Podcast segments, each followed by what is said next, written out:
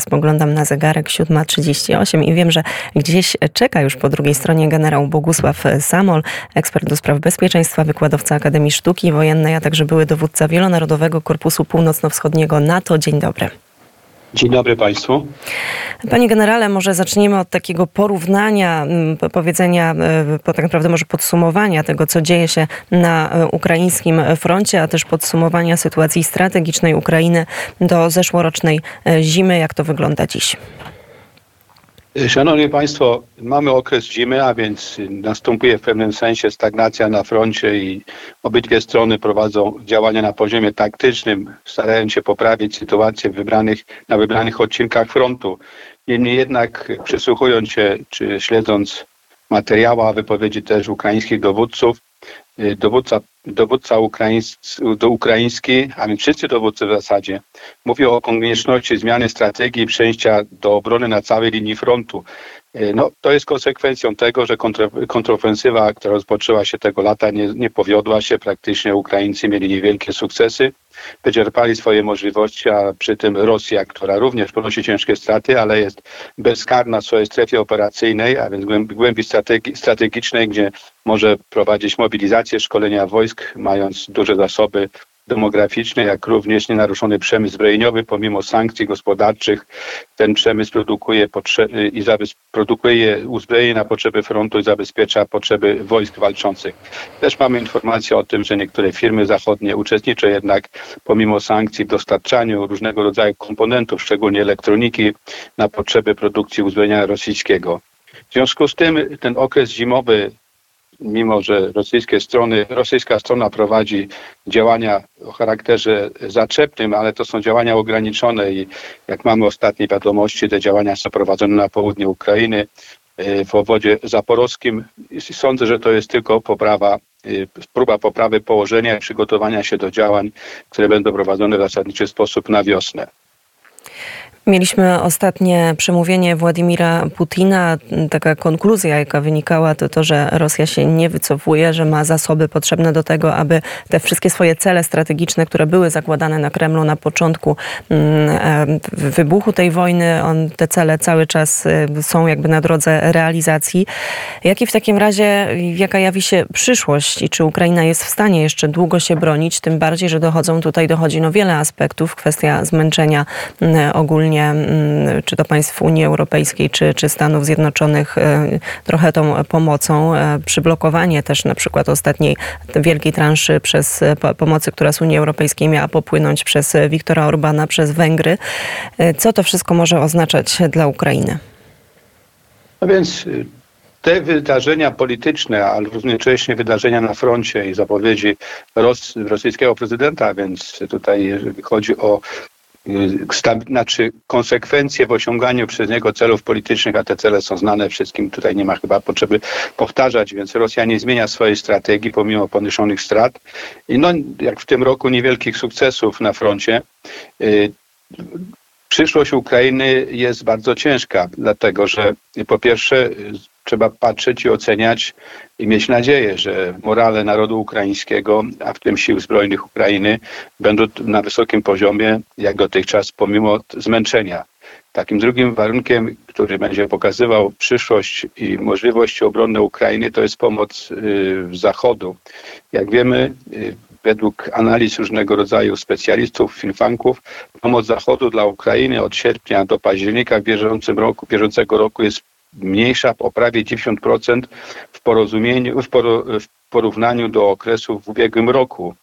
E, polityczny kryzys w Waszyngtonie spowodował brak decyzji w Kongresie Stanów Zjednoczonych o przyznaniu Ukrainy ponad 60 miliardów dolarów amerykańskich, czego byliśmy świadkami obserwując wizytę prezydenta Zełeńskiego e, w Kongresie w Stanach Zjednoczonych.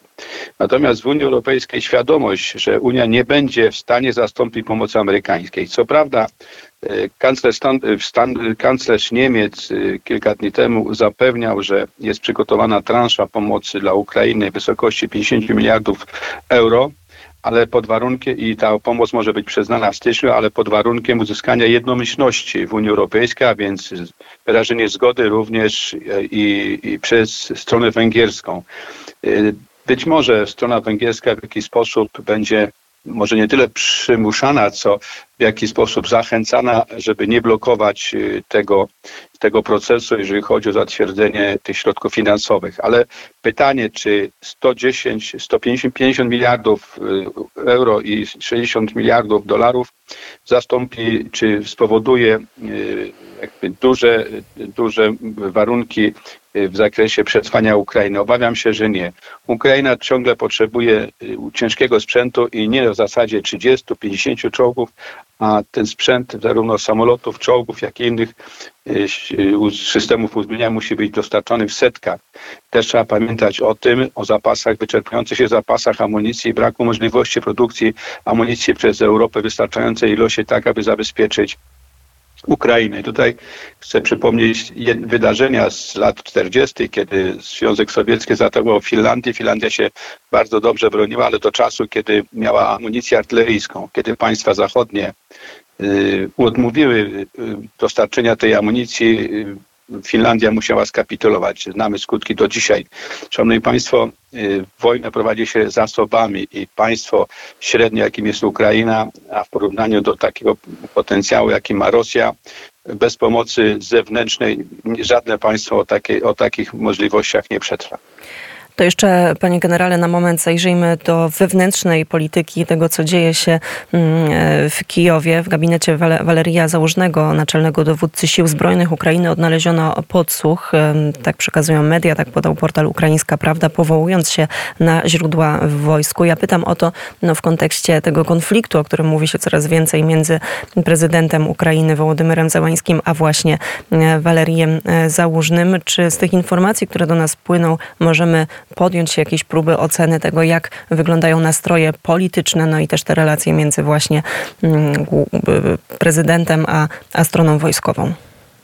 Y, przede wszystkim, nie znając y, dokładnie szczegółowo wydarzeń, trudno jest komentować, y, kto założył ten podsłuch. Czy to była sprawa rozgrywek wewnętrznych, a więc tutaj w jaki sposób ktoś chce ocenić założnego, za, założnego, a więc dowódcę sił zbrojnych Ukrainy, jeżeli chodzi o lojalność wobec prezydenta.